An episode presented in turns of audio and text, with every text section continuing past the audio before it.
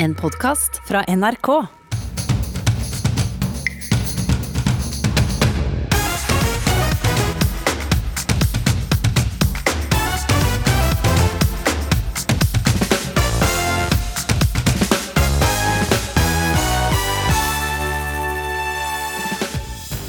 Karen har avlyst konfirmasjonsselskapet sitt tre ganger.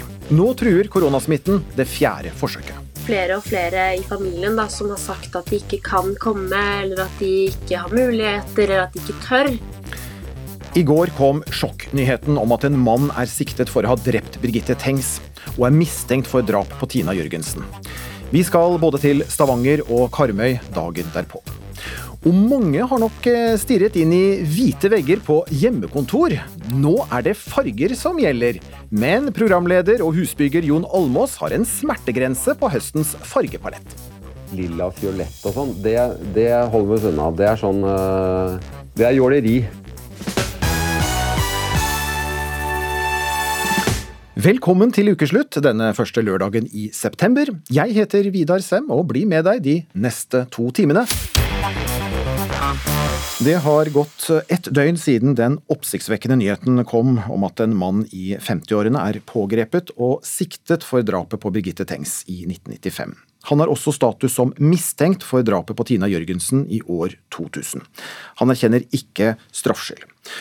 Olav Rønneberg, krimkommentator i NRK, du er med oss fra Stavanger. Vet vi noe mer om hvorfor mannen ble pågrepet? Ja, Det var eh, DNA som eh, var utslagsgivende for at eh, politiet nå valgte å, å gå til en pågripelse. Dette skal være et DNA-resultat av god kvalitet, slik vi forstår det fra dette instituttet i, i Østerrike. Ifølge VG er dette DNA sikret fra Birgitte Tengs sine benklær. Eh, ifølge VG er det også ikke et entydig DNA-resultat. At det også kunne være familielikhet med flere personer som var i familie med den siktede. og Det skal ha gjort at politiet måtte bruke en del tid på å sjekke familiemedlemmer ut av saken. Men slik eh, den står nå, eh, så ser det ut til at dette DNA-resultatet politiet har fått, ble brukt i retten for å få eh, mannen fengslet i fire uker. Og de fikk jo da medhold av retten i at det er skjellig grunn til mistanke. Hvor fikk politiet DNA fra, som altså ble sendt til analyse i Østerrike? Det er et godt spørsmål, og politiet var litt vage da de ble spurt om det på pressekonferansen i går. Eh, vi vet jo at denne mannen avga DNA i, i 2013, eh, men jeg tror det er litt åpent spørsmål om, om den DNA-profilen da kunne lagres, eh, eller om politiet nå har hentet inn DNA på nytt i nyere tid. De kan jo f.eks. ha gått til en hemmelig ransaking. Det har vi sett i kriminalsaker tidligere, at de har tatt seg inn i, i huset eh, til en mistenkt og hentet f.eks. prøver fra en hårbørste eller en tannbørste uten at personen vet om det. Eh, det kan være at politiet har gjort eh, slike grep også i denne saken, men de har altså så langt holdt kortene tett i brystet om det. Og Hvorfor tok det to år fra politiet fikk resultatet fra analysen i Østerrike til mannen ble pågrepet?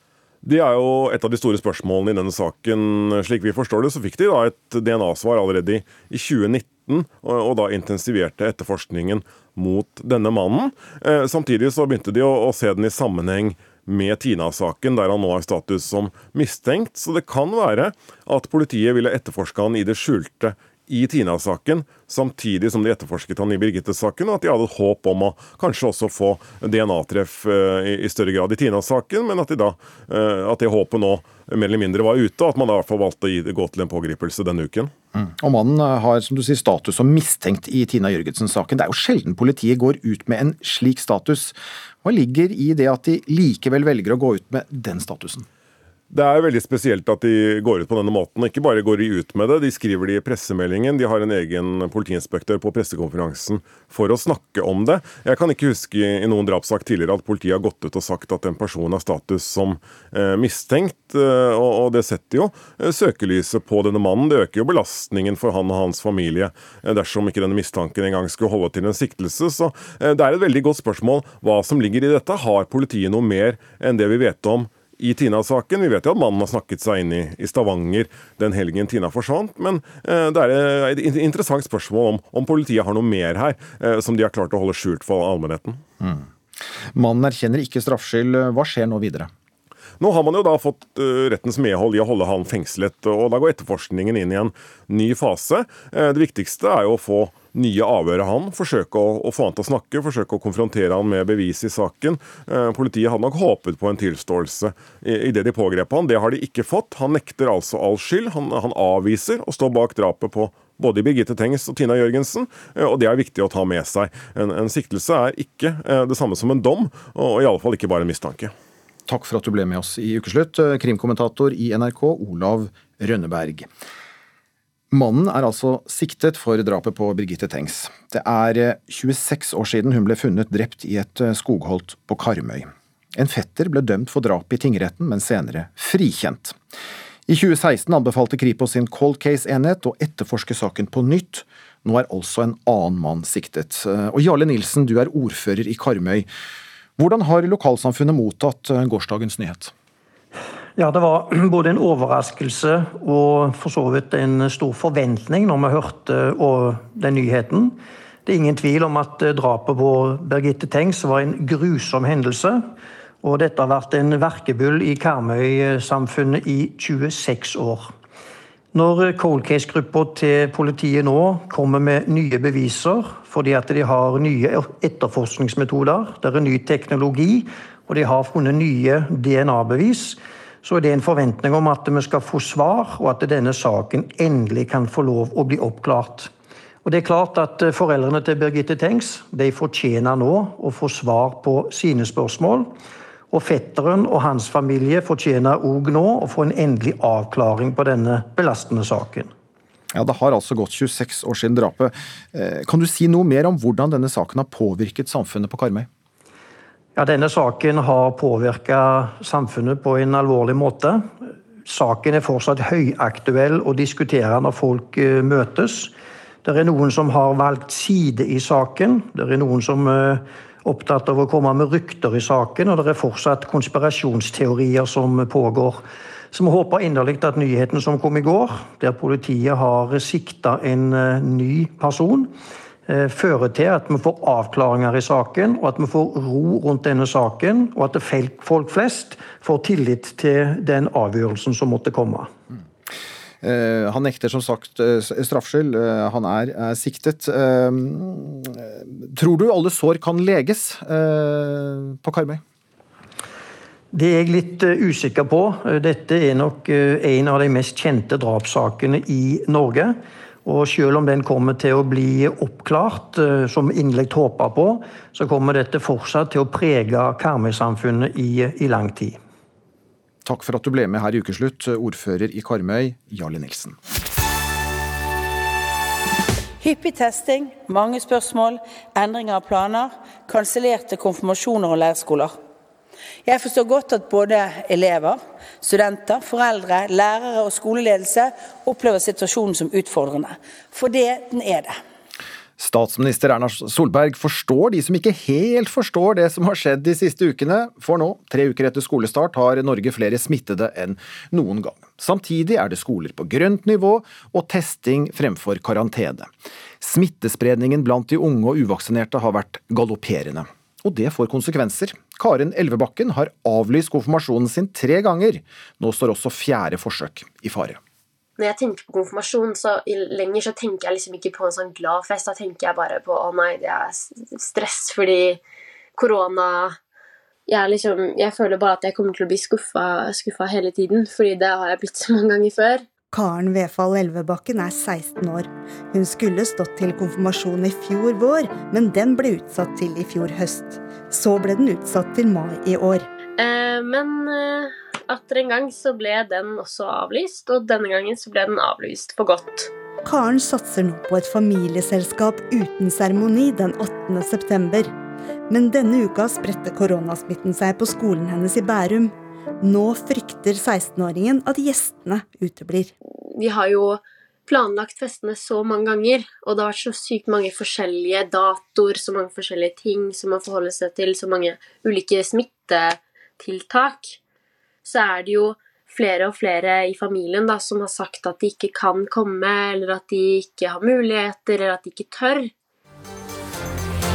Norge har nå det høyeste smittetrykket i hele Norden, og et stort flertall av dem som smittes, er unge. Tre uker etter skolestart på grønt nivå er koronasmitten i Norge høyere enn noen gang. Koronasmitten her til lands stiger mye mer enn det Folkehelseinstituttet hadde regna med. Vi har nok bommet på to ting, i hvert fall. På onsdag innrømte direktør Camilla Stoltenberg at Folkehelseinstituttet har undervurdert risikoen. Det ene er hvor mye sosial kontakt barn og unge og andre har hatt allerede før skolene begynte, og hvor mye mer de ville få da skolene begynte. Og det andre, eh, det er eh, muligens deltavirusets evne til å spre seg når man har så vidt mye sosial kontakt. Men hvor sosialt er det for elever som går i skoler fulle av smitte? Vi har fått beskjed fra skolen at vi skulle teste, for det er mye smitte på trinnet og sånne ting. Ja, det er sånn, Nå for tiden begynner bare halvparten av klassen å møte opp. Midt i skoletida står mange elever i kø på fortauet utenfor teststasjonen på Adamstuen i Oslo. Jeg tror det er tre klasser som har måtte dra hjem pga. smitte. Eh, det ble oppdaget vel på fredag, var det vel en eh, lærer som fikk påvist. Og så fikk vi vite det på mandag. Tirsdag, var det? Mandag? Mandag. Ja, Så da fikk alle, alle, lærer, alle elevene beskjed om å teste seg. Eh, hvordan syns dere det har gått med gjenåpningen? Jeg, jeg syns det har vært litt for tidlig. For Jeg må jo bare regne med at det kommer sånne bølger som dette her. Det kommer til å blomstre opp igjen. Nå har det gjort det, da. Jeg tenker at det kanskje ikke burde vært på grønt nivå. Vi har en veldig krevende smittesituasjon, og det er mange som lurer på hvorfor vi ikke gjør mer, f.eks. Anders Danielsen Lie er assisterende bydelsoverlege i Nordre Aker i Oslo. Han mener helsemyndighetene har forvirra folk. Altså, jeg kunne jo kanskje eh, ønske meg at man var litt eh, ærligere på den strategien man hadde i utgangspunktet. Jeg opplevde at eh, de en, gikk ut med en slags pose og sekk-strategi at vi, vi skal holde samfunnet åpent og vi skal være på grønt nivå, men det skal være lokale smittevernmyndigheter som, som kontrollerer eh, lokale utbrudd. Og der, der, tror jeg kanskje man har undervurdert deltavirusets eh, smittsomhet. Kjære alle sammen. Etter flere dager med smitterekord innkalte statsminister Erna Solberg til pressekonferanse på torsdag. Når vi nå ser de høye smittetallene, er det ingen tvil. Skolestart har ikke blitt sånn som vi håpet og trodde tidligere i sommer. Hun synes regjeringens råd har vært klare. Vi ønsket start på grønt nivå, men var det stor smitte, så burde kommunene velge gult nivå. I skolene i Bærum så har vi skoler med 20 klasser med smitta. Vi har videregående klasser der over halvparten er smitta. Vi har fullvaksinerte lærere som blir smitta på jobb. Vi har halvvaksinerte lærere som blir smitta på jobb, og vi har uvaksinerte som blir smitta. Så ja, Bjørn Sigurd Jetland er lokallagsleder for Utdanningsforbundet i Bærum, og har mailboksen full av koronakriser i skolen.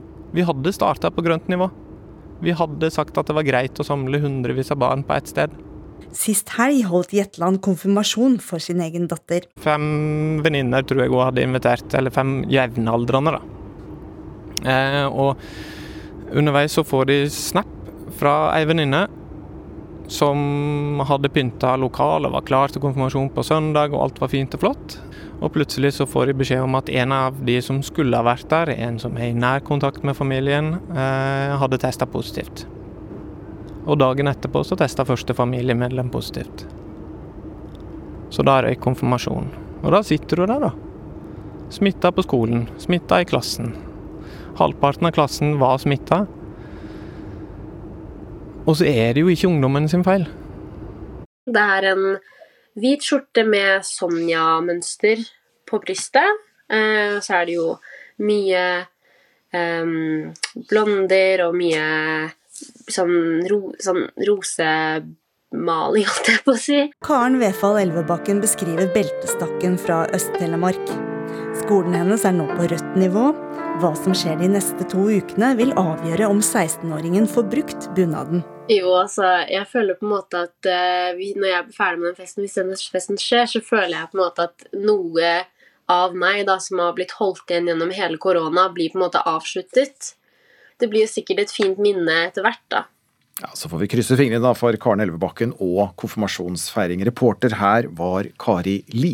Hvite vegger er det verste du kan ha på hjemmekontoret. Ja, det sa fargedesigner Dagny Tørman Moe i en nettartikkel på NRK denne uken. Ifølge flere designere kan det nå se ut til at fargene er på vei tilbake igjen i mange nyoppussede hjem. Vi sendte ukesluttsreporter Synnøve Svabe ut på gaten med et fargekart for å sjekke designernes spådommer.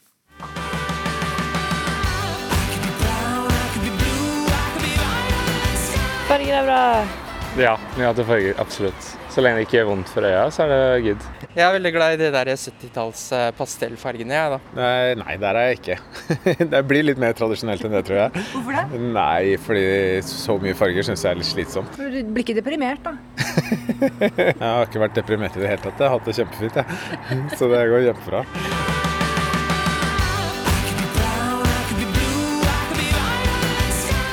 Tenkte jeg skulle teste ut en ny eh, farge som er litt sånn nude fersken på et av soverommene. Desert pink.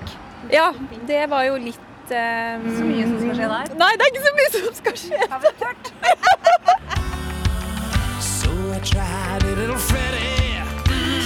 Nei, rosa og rødt er ikke noe for meg.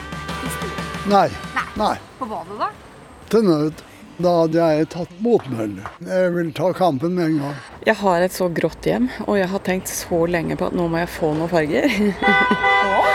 så vi, er, vi står faktisk og liksom vipper litt oppi det hjørnet her sånn når det gjelder fargekappe. du er litt på rødt og oransje? Ja, litt Ja. sånn der karri. Kanskje litt terrakotta. I hvert fall få inn en sånn liten flekk av det. Ja, så, altså det å ha noe å hvile blikket på som gir deg litt sånn uh, kick. Du er ute etter et kick? Jeg er ute etter et kick. Ja, folk om farger var det, og snart så skal du få høre kjendisene Jon Almås og Halvor Bakke om hva de syns om fargerike vegger. Én av tre har pusset opp under koronapandemien. Det er nær en million husstander, det er noe som er en økning på over 26% viser tall fra Norstat. For eh, hjemmekontoret har nok gjort eh, noe med oss, og kanskje også fargevalget på veggene. Reporter Synnøve Svabø har møtt designer Halvor Bakke og husbygger Jon Almås for å høre mer om høstens eh, fargepalett. Da fikk jeg bare beskjed om å klappe igjen. Dette er det jeg som er sjefen for. Han ble oppriktig sur på meg. Kameratene fra 71 grader nord, Jon Almås og Erik Folle Follestad, har premiere om få uker på serien hvor de restaurerer et helt småbruk på Heraldsbygd i Elverum. Og Almås han avslører at maling og ekstrem oppussing nok har satt vennskapet på den ultimate prøven. Hva var sånn gærent med det her? Du opptrer som en apekatt, men de er jo ikke på linje. Nei da, de er ikke det, Jon. Hele Norge fortjener å se at han er ikke en gud. Elverum heradsbygd i ti uker. Fy f***, jeg gleder meg til helg. Vi har fått satt vennskapet på prøve, akkurat som du sa. Det er jo sånn at eh, oppussing det, er, eh, det bringer frem det beste og verste i oss. Men, men vi syns det var dritvanskelig, det med farger. Det må jeg bare si. Ja, Vi vil gjerne ha en blåfarge, og så bretter de ut et sånn ark hvor det er 150 forskjellige blåfarger. Og så skal du velge ut fra en liten sånn rute i en katalog, og det blir jo aldri sånn når du får det opp på veggen. Så dette er, uh, dette er tungt. Vi gikk jo mer tilbake til bonderomantikk og tenkte at eh, det som, eh, det som har vært populært i 200 år, det, det holder fremdeles. Og så er de motefargene, de får bare komme og gå. Så det er ikke sånn der, som Halvor Bakke driver med, sånn svart og gull og Petter Stordalens hoteller og det. ikke sant? Det er jåleri. Er det mye hvitt? Det er hvitt. Hjemme har jeg hvitt. Hjemme har jeg hvitt på alt, fordi at jeg syns det er vanskelig med farger. Jeg har heller farge på, på møbler og eh, interiør, ting å henge på veggen, og så lar jeg, lar jeg eh, veggene være hvite hjemme. Og du har ikke blitt deprimert under koronaen av hvite vegger som stirrer tilbake på deg? Nei, altså Jeg syns at det er ganske sånn nøytralt. Jeg tror jeg ville vært mer deprimert hvis jeg hadde hatt svarte vegger, for å være helt ærlig.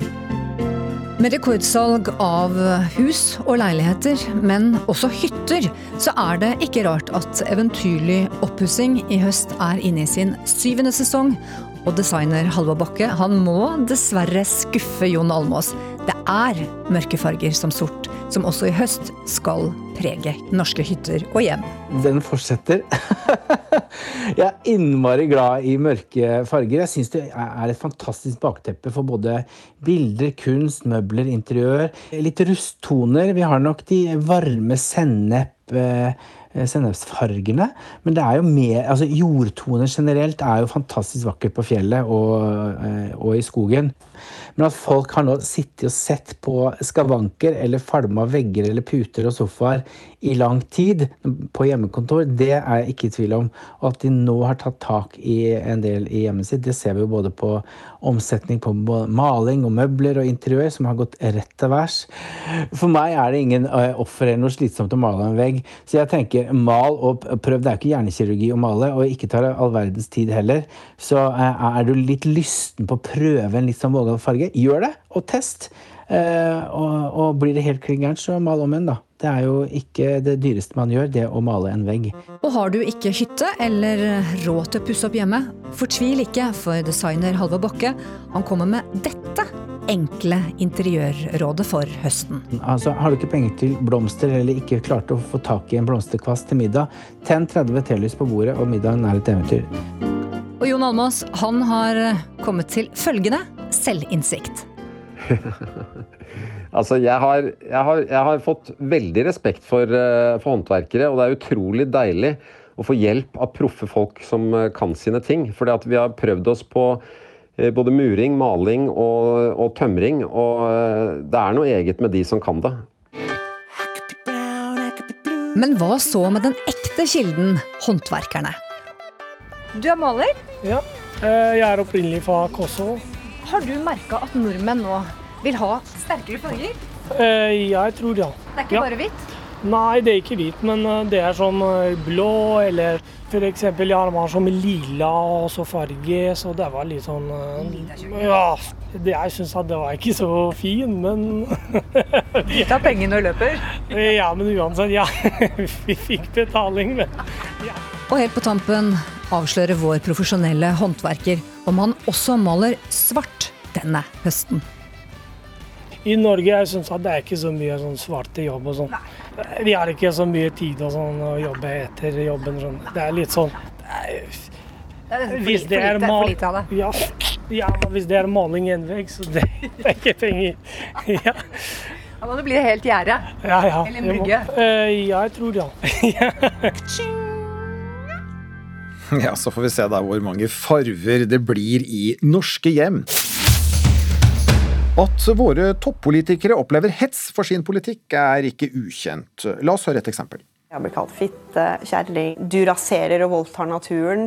Jeg har fått drapstrusler, trusler om at jeg bør eh, se meg over skuldra. At jeg med vilje vil folk vondt. Det var olje- og energiminister Tina Bru som fortalte om hva hun opplever som politiker. Klima og olje har blitt eh, heftig diskutert i denne valgkampen, og politikerne kaster argumentene mot hverandre om hva som er riktig å gjøre for å redde kloden.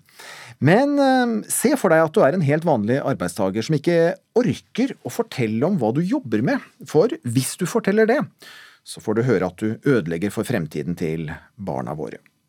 Ole Gunnar Rasmus, Rasmussen, du var nylig med i en sak på TV 2 og snakket om jobben din. Hva jobber du med? Eh, jeg jobber som prosessoperatør i Equinor eh, akkurat nå. Så jobber med å produsere olje og gass. Og at du faktisk orker å svare på at du jobber i oljebransjen og Equinor, det skal man ikke ta for gitt. Eh, hvorfor ikke?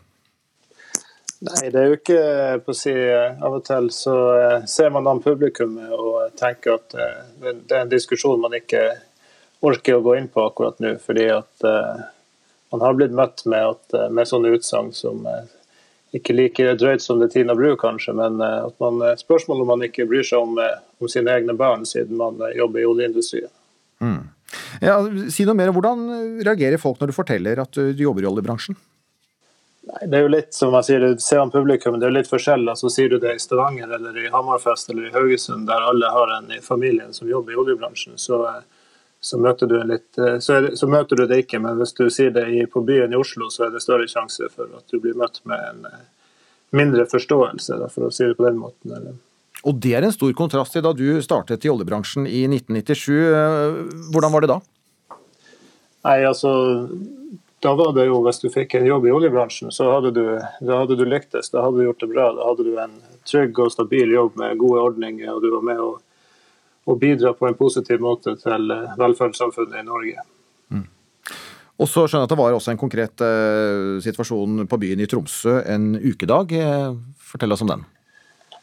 Ja, jeg var på, hadde en overnatting i Tromsø på tur, på tur hjem fra jobb. I, i, og var ute på, på Rorbua og tok en pils og ble, kom i prat med noen som satt ved, ved samme bord som meg. Så det var noen, noen lærere fra, fra et eller annet forbundsmøte de hadde. og Etter hvert så kom det opp eh, om hva man jobba, og da ble jeg stilt et spørsmål da, om, om jeg ikke, hvordan jeg kunne jobbe i bransjen jeg som hadde barn, om jeg ikke brydde meg om fremtida til, til, mitt eget barn. Så det er ganske drøyt. Vi har også med oss eh, Penelope Lea, velkommen. Takk. Du er 17 år, klimaaktivist og Unicef-ambassadør. Du har opplevd hets for det du står for. Hva har du opplevd? Først vil jeg bare få lov til å si at det er veldig trist å høre at eh, du har opplevd hat og hets. Og vi vet jo at hat og hets ikke er greit, uavhengig av selvfølgelig hvilket jobb du har, eh, eller hvilket politisk parti eller mening du har, hvilken bakgrunn du har. Det er et demokratisk problem og et samfunnsproblem. Eh, og nå er det jo sånn at vi, vi må gjennom en omstilling eh, i møte med klima- og naturkrisen. Eh, og da tror jeg det er ekstra viktig at vi lytter til hverandre, og ikke hater og hetser. og at vi aksepterer og respekterer den kunnskapen og det arbeidet som ulike arbeidsgrupper har gjort. Den haten og hetsen jeg har opplevd, det er det mange kjennetegn fra fra annen hat og hets der ute. For eksempel? Det er f.eks. personlige ting som går på utseende, men også ting eh, som går på sak. Det handler om at jeg er manipulert, at jeg er en dommedagsprofet, eller at jeg gjør andre barn og unge kjemperedde. Um, ja, eh, eller at jeg ikke har rett til å uttale meg, da, f.eks. Hva er det verst å høre, syns du? For meg er det kanskje verst å høre at eh, jeg har skremt barn og unge, men um, det er også det jeg også har lært da, etter at jeg begynte å få hets, eh, er at det ikke er noe jeg må tåle. Det er ikke noe jeg skal måtte tåle lenger. Um, og det har hjulpet meg videre. Og hat og hets påvirker jo ikke bare en person, det gjør også noe med saken man snakker om. Uh, og jeg tror også det at jeg er med på å hindre en omstilling vi må gjennom, uh, og gjøre samfunnet vårt mer sårbart generelt. Da. Så det er kanskje det som går mest inn på meg. Mm. Ole Gunnar Rasmussen, hva tenker du når du hører klimaaktivisten som snakker mot din bransje og blir hetset på den måten? Nei, Det er forferdelig trist. og Jeg må si at eh, jeg opplever den, den hetsen som, som si, de opplever, en annen, det er en annen kategori enn det, det som jeg gjør. Det, det, er mye verre og det, det, er ødeleggende. For, si, jeg, jeg, blir også forferdelig frustrert av det, for det ødelegger jo for alle mulighetene til, for, for meg for å si det sånn, å fremføre det som jeg mener er saklige og gode argumenter, med at det sitter tastaturkrigere overalt og spyr ut heder og galler mot folk som selv om jeg er uenig med, med, mye av det han sier, så er det jo, jeg tror ikke at hun er en ondskapsfull person som gjør det her av vond vilje. Eller det vet jeg jo at han ikke er. Så det, det, det, er en ting man må, må få slutt på. Det, det, er kanskje særlig min side i debatten som må ta et eh, ansvar der for å, å påpeke, fortelle. altså Vi som er litt de moderate stemmene, må fortelle de, de mest fanatiske at det her er faktisk ikke greit. Mm. Altså Rasmussen forteller jo at han ikke alltid orker å fortelle hva han, han driver med. Hender det at uh, du ikke orker, uh, Penelope Lea? Jeg har nok kanskje i større grad ikke orket å snakke om, eller ikke turt å snakke om haten og hetsen jeg opplever, og hva det gjør med meg. Um, kanskje mindre om, om, klimasaken. Når jeg først opplevde hat og hets, så som jeg sa, så var, følte jeg at jeg måtte tåle det. Men i videre arbeid så har jeg skjønt at jeg ikke må det, og jeg vil ikke være med på den normaliseringen av hat og hets. Og da er jeg også også forstått da, um, at, uh, ja, at dette er ikke noe jeg skal måtte tåle. Uh. Og at det er ikke noe noen skal måtte tåle. Uh, og da har jeg kanskje snakket mer om hva det gjør med meg og samfunnet rundt oss. da. Mm. Du var så vidt inne på det her, Ole Gunnar Rasmussen, men tusenkronersspørsmålet må jo være hvordan kan vi dempe den der polariserte debatten som føler med, med, føler, fører med seg hets og skam? Nei, si det. det er jo ikke, Jeg har et svar på det. så Det er jo et, et internasjonalt problem at alle, alle saker etter hvert det, det, danner veldig steile, polariserte fronter. Så, så det, det, er vanskelig. Altså, jeg, jeg, tenker bare at vi må bare, vi må bare alle, hver og en gjøre bidra til å eller prøve å, å tone ned den og, og, prøve å forholde oss saklig og sånne ting. Og det, det kan nok av og til være vanskelig, men men man, man, må bare gjøre det. det noe, jeg tror ikke det finnes noe quick fix på det her. Så må man ikke akseptere det. Man kanskje særlig, for å si det sånn, Hvis jeg ser en, en av mine Facebook-venner skrive noe eh, idiotisk på eh, Miljøpartiet De Grønne sine sider, noe sånt, så må jeg ta det med den personen. Det er kanskje det, det, det, det jeg kan bidra med, tenker jeg. Mm. Ser du en quick fix her, Penelope Lea? akkurat som med klima- og naturkrisen, så, det, så, er det mye vi kan gjøre med dette. Vi har muligheter, og vi har ansvar. Det handler om måten vi snakker med hverandre på. Det handler om at vi må være tydelige på at hat og hets er ikke det samme som å bruke ytringsfriheten sin. Det handler om at vi må bare ikke normalisere det. Og for meg har det også vært liksom, eh, kanskje ekstra vanskelig når man leser kommentarfelt, å føle at hat og hets eh, er i flertall, når det ikke er det. Da er det viktig at vi står opp sammen eh, mot hat og hets og viser at det ikke er tilfellet. Og så mener jeg også at media har et viktig ansvar og en viktig rolle her. Både når det kommer til moderering av kommentarfelt, men også når det kommer til hvilke vinklinger man lager på saker. At man ikke skal bygge opp under konflikter og karakterer som, eh, som ikke nødvendigvis er riktig, og som heller ikke føler samtalen og saken videre. da. Her fikk vi en klar oppfordring. Takk for at dere ble med i Ukeslutt, Ole Gunnar Rasmussen, som er altså prosessoperatør i Equinor, og Penelope Lea, som er klimaaktivist og Unicef-ambassadør. Nå skal det handle om veien til gull, og la oss spole tiden eh, nærmere en uke tilbake og til roing i Paralympics i Tokyo. Vi går rett inn før seier. Her sitter han for Birgit Skarstein, som endelig kan strekke hendene i været for gull i Paralympics, og der er det gjort! Det var som en drøm. Det var akkurat sånn som jeg hadde trent på det. Og planen funka. En glad gullvinner. Og Birgit Skarstein, du er med oss nå. Velkommen, og gratulerer med Paralympics-gull. Er du med, Birgit? Jeg er med, hører du. Der, vet du. Jeg vet ikke om du fikk med fikk, Du, vi, vi, vi, sendte litt kutt fra, fra seieren eh, forrige helg. Gratulerer med gullet i Paralympics. Tusen takk for det. Det var utrolig stas. Det skjønner jeg. Vi skal ikke dvele så lenge ved dette gullet, Birgit, men heller veien dit. Eh, la oss gå ti år tilbake i tid og til programmet Ingen grenser her på NRK. Du, eh, Birgit Skarstein, var jo en av de utvalgte til å bli med Lars Monsen på en svært lang tur fra Femundsmarka til Snøhetta. Her hører vi fra dag seks. Er du våken, Birgit? Ja, det går bra. Det går bra. Det går bra. Du er kjempeflink. Har du spist i dag, du òg? Litt. Ja. Men du våkner? Det ordner seg. Ja, Birgit Skarstein, hvis du tar oss med tilbake til det vi hørte her, hva var det som skjedde? Nei, jeg tenkte jo det når jeg skulle inn og være med på Ingen at jeg skulle gjøre alt jeg kunne for å nå den der toppen. Og jeg skulle ta imot så lite hjelp som overhodet mulig, og helst nesten dytte gruppa sjøl framover. Eh, og det gikk jo i seks dager, da. Så gikk jeg på en ordentlig smell og, og, og besvimte rett og slett av utmattelse. Så, så det, det der var min realitetsorientering. Dette var jo en serie der mennesker med ulike funksjonshemninger skulle samarbeide, og, og, denne turen skjedde jo eh, bare halvannet år etter at eh, du eh, ble lam. Hva var det som var vanskelig for deg å vise?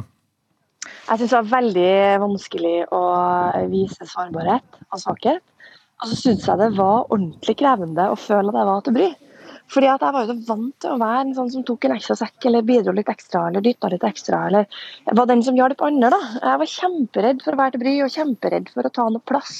Uh, og, og, og, og, være liksom uh, en belastning uh, på et vis da, for andre. Og så hadde jeg liksom min oppfattelse av hva det innebar, og hvordan jeg kunne hjelpe til å bidra. og så måtte jeg jo kalibrere kroppen på nytt, eller hodet egentlig, da. Fordi at jeg hadde jo plutselig en en, en, ny kropp. Og, og i Ingen grenser så var jeg jo i veldig kjent terreng. Jeg var vant til å være ute i fjellet, vant til å være i naturen. Men jeg hadde med en kropp som jeg ikke kjente, eh, og jeg, må, og måtte finne meg sjøl litt på nytt. Mm. Håvard, Håvard Jensen, velkommen. Takk. Eh, du var eh, regissør for denne dokumentarserien. Hvis vi går tilbake til dette kuttet vi hørte her, hvordan opplevde du denne hendelsen, Birgit? Ja, Det var egentlig en hendelse som kunne stoppe hele ekspedisjonen. Altså, det var noen minutter vi vurderte hva gjør vi nå. Eh, og ekspedisjonslegen som vi hørte litt her på kuttet, hun, eh, hun jobba med Birgit for å finne ut hva var det som fikk henne ned. Eh, og Hun skulle bare meg sitte og holde Birgit og holde henne våken mens hun drev og jobba. Og det som var sterkest da, det var jo at Birgit og jeg hadde jo prata en del tidligere på dagen. og jeg husker jo Birgit, hun var jo hun var sterk, det visste vi jo, men hun var veldig sta underveis. Og, og, nekta på mange måter å underordne seg uh, framdrifta. Hun ville bestemme alt sjøl, ikke sant, Birgit? Det stemmer, det? Eh, så jeg vet ikke om du kjenner deg igjen nå lenger, men det var, det var en, du hadde en vilje som gjorde at, at eh, du hadde ingen grenser for hva du skulle gjøre sjøl, og dermed så gikk du rett til bunns. Så de minuttene eh, der vi satt og, og, lurte på hva som skjedde, det var lange minutter. Hva kjennetegner mer Birgit i dine øyne? Jo, hun, øh, hun, var jo en av de som var blitt sånn. Altså, hun hadde fått en uh, funksjonsnedsettelse ganske nylig. og det er en uh, det er alltid en interessant prosess å se hvordan de bearbeider det her underveis. Og Birgit var jo sterk. altså Hun er smart og sterk uh, psykisk. Og så Derfor ville vi ha henne med, for vi ville være med på den reisen. For Mye av målet med denne produksjonen det var jo at vi ville at de som hadde en funksjonsnedsettelse eller satt i rullestol, når de møtte folk på gata, så skulle folk ikke tenke på dem som en funksjonshemma de skulle ikke se rullestolen, de skulle se personen. Og Birgit var jo akkurat den typen som gjorde det. For det viste seg at eh, Vi hadde med to rullestoler, for vi visste at de ville være samlingspunkt på turen. Men med Birgit hun var jo et naturlig samlingspunkt uansett. Altså, hun hadde jo folk, hun hadde jo et hoff rundt seg hele, hele tida. For hun prata, hun ga ros, hun var interessert og nysgjerrig. Så hun var et naturlig samlingspunkt på hele turen. Og hvis hun da skulle forsvinne ut etter bare ei uke, så øh, ville det bety ganske mye for hele gruppa. Mm. Mentalt sterk, Birgit, men, mens da, Og så gikk du til, eh, litt til bunns her. Eh, hva har det gjort med deg? Jeg har lært veldig mye om meg sjøl. Jeg har lært veldig mye om det å være i en gruppe gjennom denne turen. Og det her er jeg veldig takknemlig Jeg har vært flink nok til å si det, Håvard, men jeg er utrolig takknemlig for det jeg fikk lære her om det å være en, en del av et team. Og det at man kan gi og ta, og trygghet i at vi kan være gode på forskjellige ting. Da. Og Det var det som var så interessant her. Fordi alle sammen skulle være med opp. Vi skulle ikke miste noen. Det var ingen som skulle ut. Det var ingen som skulle stemmes ut eller ryke ut. Vi skulle eh, tvert imot bruke eh, gruppa sine samla ressurser for maksimal progresjon. Da. Altså komme oss fram jevnt og trutt gjennom å bruke de styrkene vi hadde. Men også det å være ærlig og tydelig på de svakhetene vi hadde, og tørre å innrømme oi, det her er ikke jeg så god på. Det er den andre her som er bedre enn meg på det. Og så tørre å snakke om det og si det høyt. Fordi bare gjennom å være åpen både på styrker og svakheter, kunne vi klare å bruke gruppas ressurser på en smart måte i lag. Da. Og det er jo utrolig viktig erfaring. og mener jeg har vært, har vært, viktig også på den veien mot det gullet i Tokyo. Mm.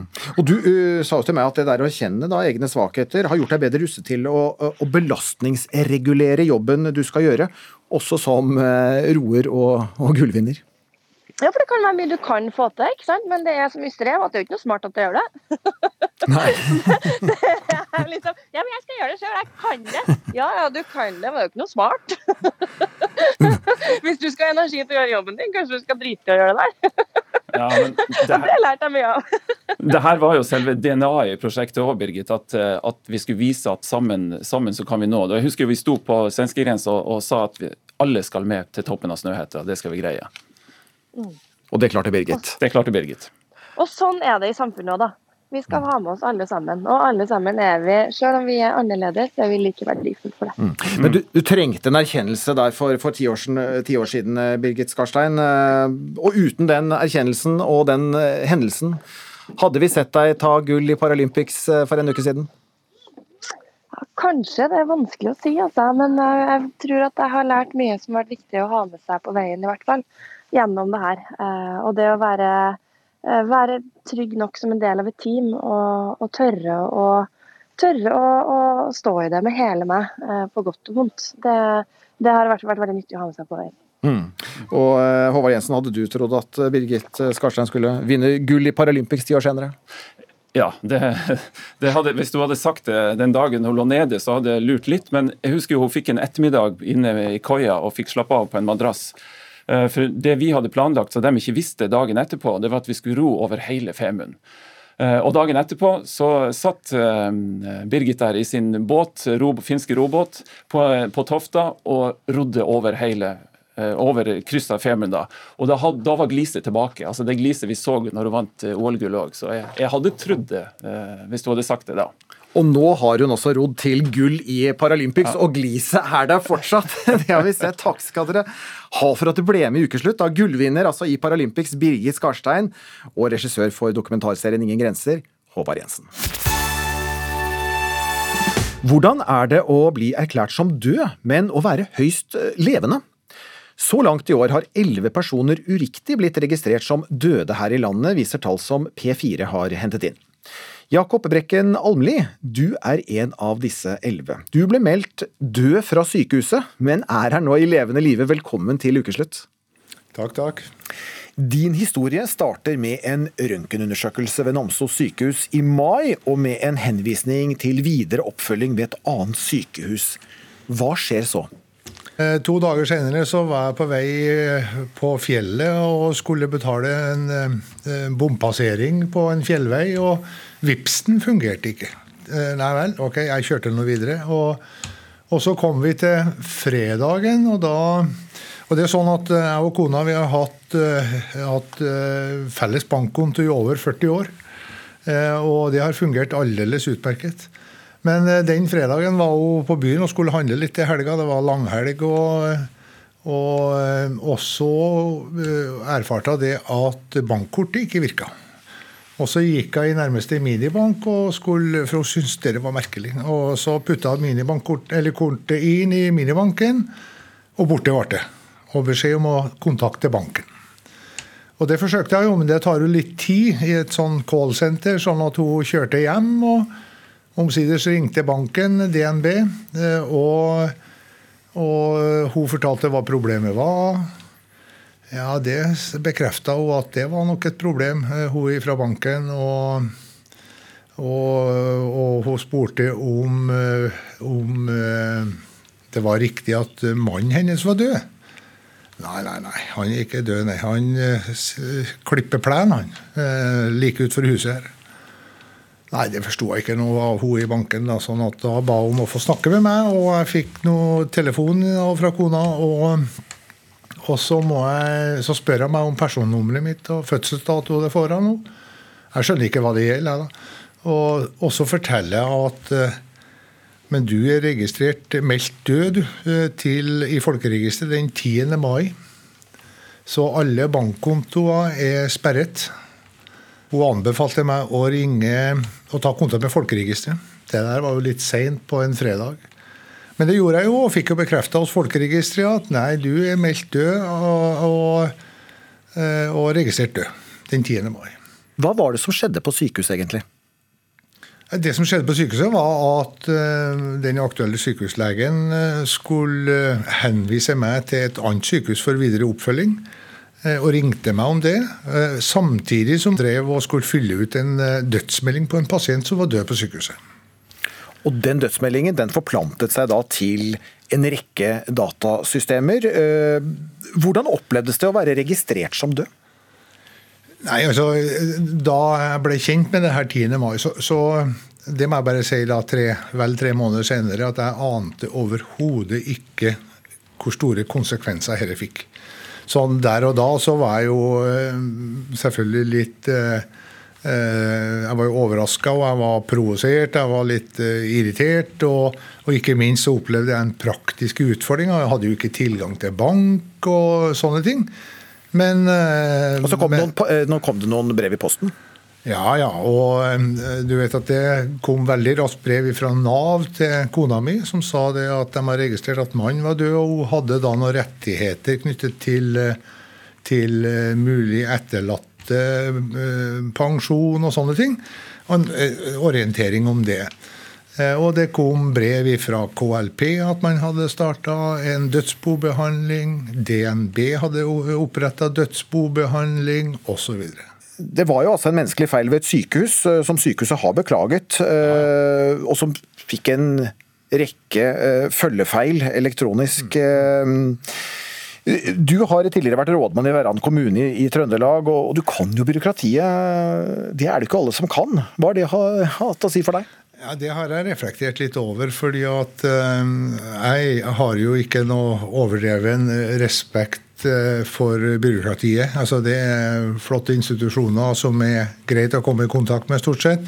Men jeg er jo godt kjent med at det er mange som synes det er litt krevende å skal, eh, skal kontakte byråkratiet, kontakte institusjoner for å ta opp saker og ting. Og jeg har identifisert per i dag 46 eh, databaser og kundeforhold og sånne ting som blir blitt stengt eller påvirka av denne saken. Og alle de her må jeg i personlig kontakt med.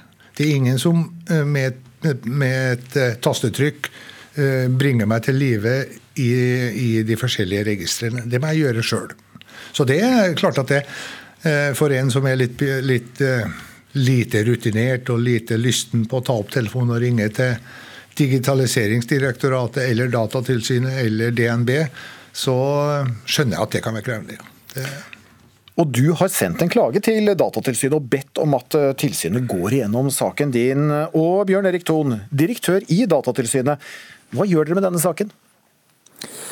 Ja, først vil jeg jo si at dette er en fortelling og en historie som virkelig gjør inntrykk. Eh, den viser jo også hvor sårbare eh, datasystemet kan være, og registeret kan være. Eh, nå er det nok ikke sånn at vi skal ønske oss tilbake til en papirbasert, analog verden, men vi ser jo her et eksempel på følgefeil. For det er utrolig, som Jakob også sier, mye kommunikasjon og mye utveksling av data og persondata mellom ulike registre. Og da kan altså det som er, ja, i dette tilfellet, tilsynelatende én feilregistrering, en veldig alvorlig en riktignok, den kan jo få utrolig store følgefeil, og egentlig blokkere muligheten for folk til å leve et liv med tilgang til jeg forstår alt fra VIPS til tippekort og til bankkontoer og til Nav og til skatt og det ene og det andre. Så eh, vi har, eh, som du sier, fått en eh, klage fra Jakob, og den skal vi selvfølgelig se på. Elektronisk dødsmelding ble innført i fjor. Hvem har ansvaret for at en menneskelig feil ved et sykehus forplanter seg til Nav, skatteetat, folkeregister, bank og VIPS? Ja, du, på, du, nevner jo navn på mange etater her, eh, så akkurat hvor ansvaret på dette ligger, det er vi nødt til å se litt nærmere på. Nå har vi jo akkurat begynt på denne saken, så jeg skal nok få gitt deg et svar på det, men da må vi først gå litt nærmere inn og, og prøve oss å løse opp i noen av flokene her. Og så syns jeg jo også det er eh, trist å høre at eh, han ble oversendt, unnskyld, overlatt helt til seg sjøl for å rydde opp i noe som definitivt ikke er hans feil. Eh, så her er det jo noen som burde rekke opp hånda og si dette er mitt ansvar, eh, jeg skal hjelpe Jakob å rydde opp. Og Hva er lærdommen for deg, Jakob Brekken Almli, som jo opplevde dette her? Nei, det, det er blant annet. Altså, vi er jo vi, vi har jo ikke penger lenger. Bare noe så enkelt og praktisk som det å stå fredag ettermiddag før pinse, langhelg, og ikke ha tilgang til bankkonto. Så det gjør nok at jeg må putte noen kroner i, i madrassen, sånn at jeg har å berge Nå tror jeg ikke det her skjer noe mange ganger, da, men, men, å ha noen kroner cash tror jeg det er nødvendig. altså. Hmm. Et godt råd eh, der. Og Ifølge skatteetaten så er de nå i dialog med Helsenett for å finne ut av hvordan det kan sikres at slike feilmeldinger ikke skjer. Samtidig ser de også på hvordan man kan bistå personer som er rammet hvis uhellet først er ute. Takk for at dere ble med i Ukeslutt, Jakob Rekken Almli, som altså feilaktig ble meldt død, en feilmelding som spredte seg elektronisk til alle mulige dataregistre, og direktør i Datatilsynet Bjørn Erik Thon, som skal se nærmere på denne saken. Norge er et av få land i verden hvor politikere kan gå opp på Stortingets talerstol og snakke akkurat slik du ville snakket rundt i et kjøkkenbord hjemme. Dialektene står sterkt. Og kanskje spesielt hos våre folkevalgte. Ukesluttsreporter Filip Johannesborg har gravd litt i hvorfor. Nauta låk i hodet. Veldig vondt i hodet. er det noe vi nordmenn er opptatt av, så er det dialekter. Spesielt politikere kan få gjennomgå om de knoter litt med den. Skjøtt Pedersen, ja. Skjøtt Pedersen. Han er det verste eksempelet vi har. Hør nå. Regjeringa skal det være! Den første lyden som forsvinner, er lyden. Han er flau, han. Han er flau over dialekta si. Det er en skam. Han er en skam for landsdelen. Så Derfor har jeg tenkt å gjøre resten av denne reportasjen på min opprinnelige Østfold-dialekt. Det handler nemlig om autentisitet og følelsene våre. Det forteller professor Unn Røyneland ved Universitetet i Oslo. Det var nok ikke like enkelt hvis du går 100 år tilbake i tid og, og bruker en, et bondemål i, på Stortinget. Eh, men i dag så er det veldig stor aksept for det, og kanskje også en forventning. Jeg sier åkke. Det er det for oss alle. Dette har vært noe av det som bekymrer oss mest. Vi går nå vekk ifra dette. Og politikerne som preker ordentlig dialekt, blir gjerne tatt mer seriøst av velgerne sine. For hvis du representerer og du er valgt inn fra en, et bestemt område, så er det klart at da vil jo folk der forvente at du bruker den dialekten, og at du ikke kanskje eh, legger om. Eh, at det vil signalisere at eh, dialekten ikke er bra nok, at du ikke representerer det området som du er valgt inn fra. At det er noe sånn litt inautentisk. Men er det så enkelt? For ifølge forskeren så er det ente bare enkelt å holde på dialekta når en kommer fra et sted litt utente en større by. Hele tida er det en kamp mellom å bli forstått og tatt seriøst. Men det er ikke alle dialekter som blir sett på som like bælfine. Altså, hvor galt vil det bli for deg i Stange om jeg legger vekk nå eh, stasjonen.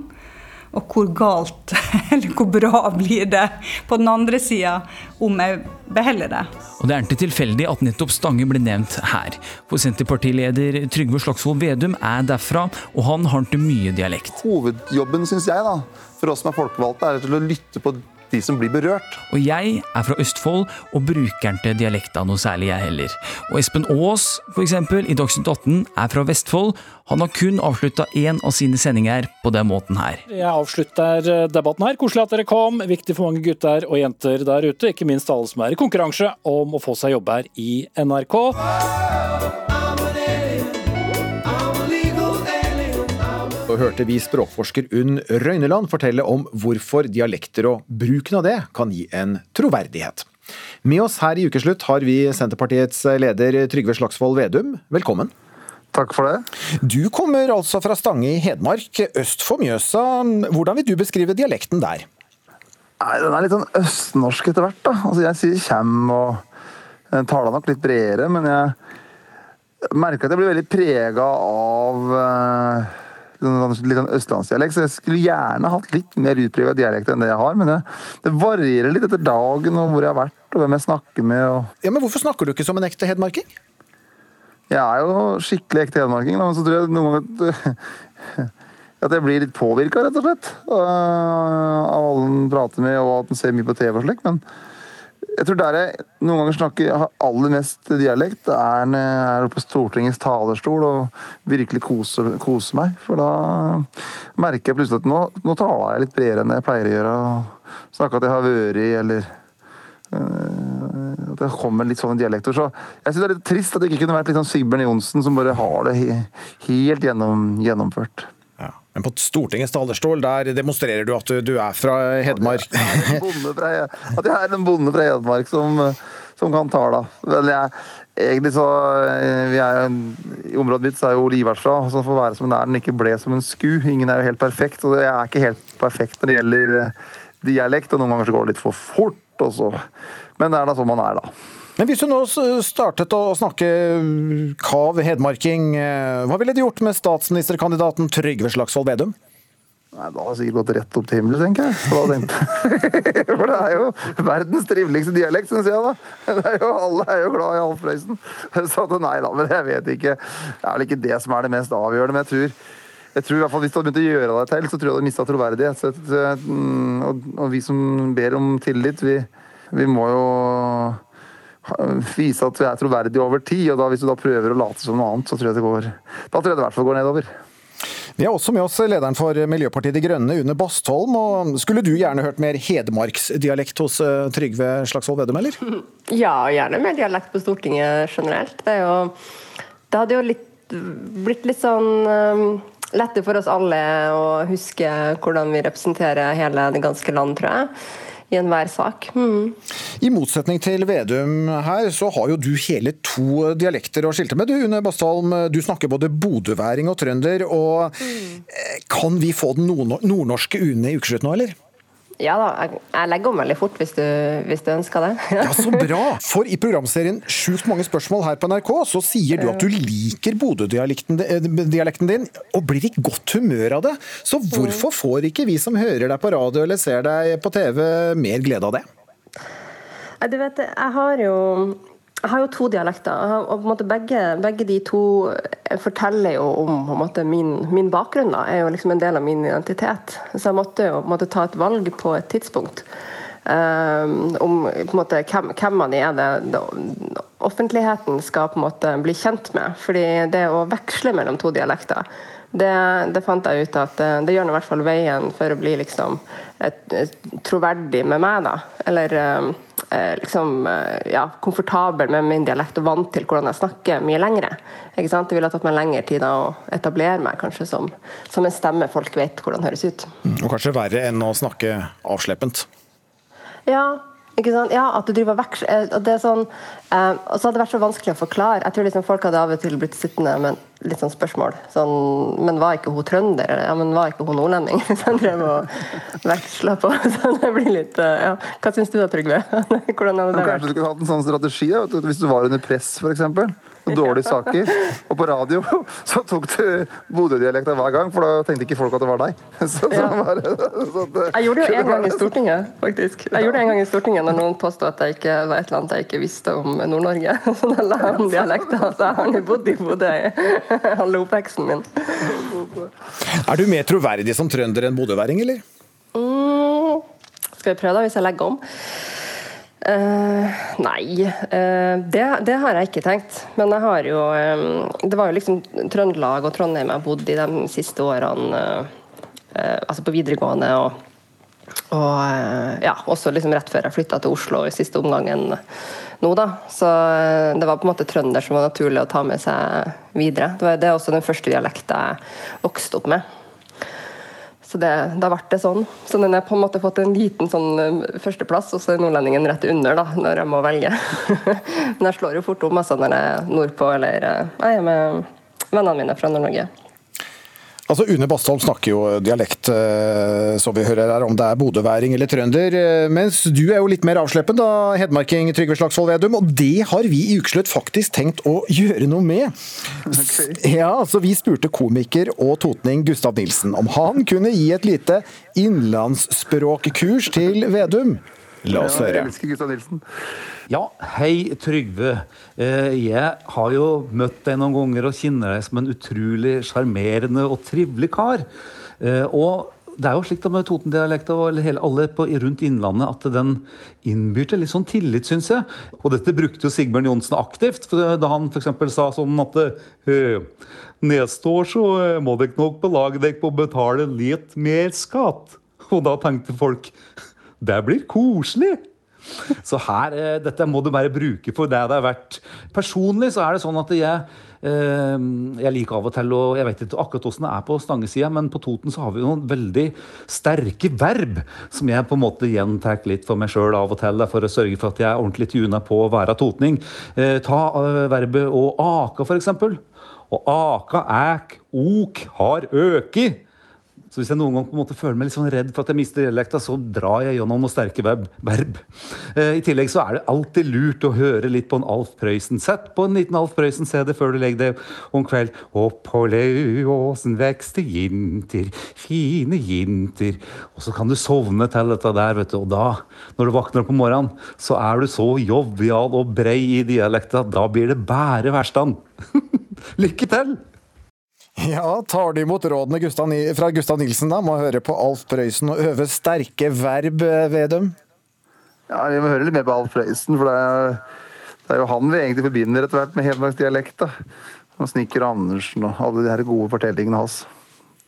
Eh, vi har også en Alf hengende på kjøkkenveggen. sånn en liten tegning av han. Så eh, han, han er, jeg, jeg våkner hjemme, så ser jeg Alf Prøysen, en av de første jeg ser hver dag. Ja, der, Hjemme, vet du, der, der, er vi. Og det kan jo være at det er noen eh, flere stemmer å sanke, hvis du blir litt mer hedmarking, eh, Trygve Slagsvold Vedum? Ja, det kan hende, det. Så jeg får prøve, da, den siste partilederdebatten, og hørt litt på en Alf, kanskje, natta før.